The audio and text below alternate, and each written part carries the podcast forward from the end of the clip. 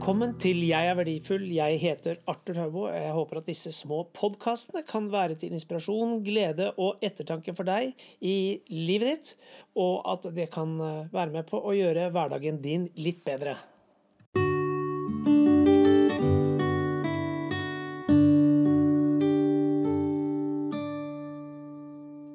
I dag så tenkte jeg at jeg skulle snakke om to ord som vi bruker hver eneste dag.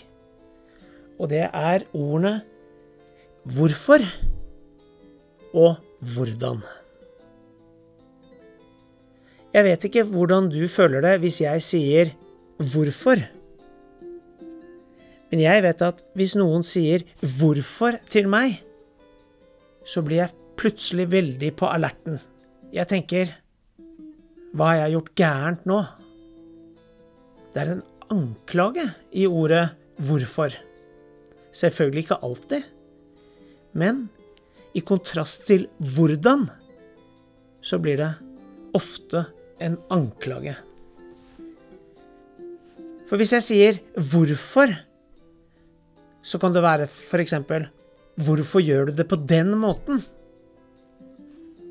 Hvorfor får du det ikke til? Hvorfor gikk det galt? Dette er selvfølgelig et viktig spørsmål. Man må stille disse spørsmålene til seg selv.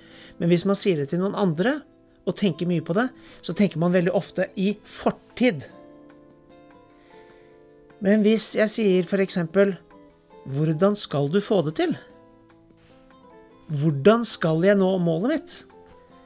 Da er det liksom som man lener seg litt fremover istedenfor å lene seg bakover. Man føler at man plutselig får håp. Det er liksom mulighetsvei. Det ligger forover, foran oss. De fleste mennesker er vare for kritikk. Vi liker ikke å bli anklaget for noe. Og vi liker spesielt ikke at anklagen kommer mot oss i andres påhør. Og f.eks.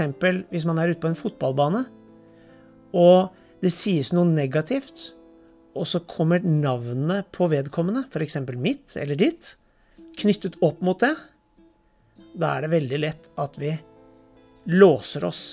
Det er ikke frihet. Vi blir redde. Vi blir fratatt friheten vår. Noen mennesker eh, lar slikt bare prelle av seg og blåser en lang marsj i hva som blir sagt. Men de aller fleste liker ikke at man får negativ tilbakemelding. Vi har jo snakket ofte om dette med konstruktiv tilbakemelding. Si ting på en slik måte at det hjelper vedkommende som får tilbakemeldingen. Og der kommer ordet 'hvordan' inn. Fortell meg, hvordan kan du løse det du nå gjorde, på en annen måte? Det som da skjer, er at vedkommende følger ikke kritikken mot seg selv, men tenker Hm, ja, jeg kunne kanskje gjort det på denne måten. La oss bli mer klar over hvordan vi bruker ordet hvorfor og hvordan. La oss ikke gå rundt og anklage hverandre. La oss tenke på hvordan vi kan hjelpe hverandre til å bli en bedre versjon av oss selv. Jeg tror det kommer til å være til glede for alle rundt oss. Jeg ønsker deg en riktig god dag videre.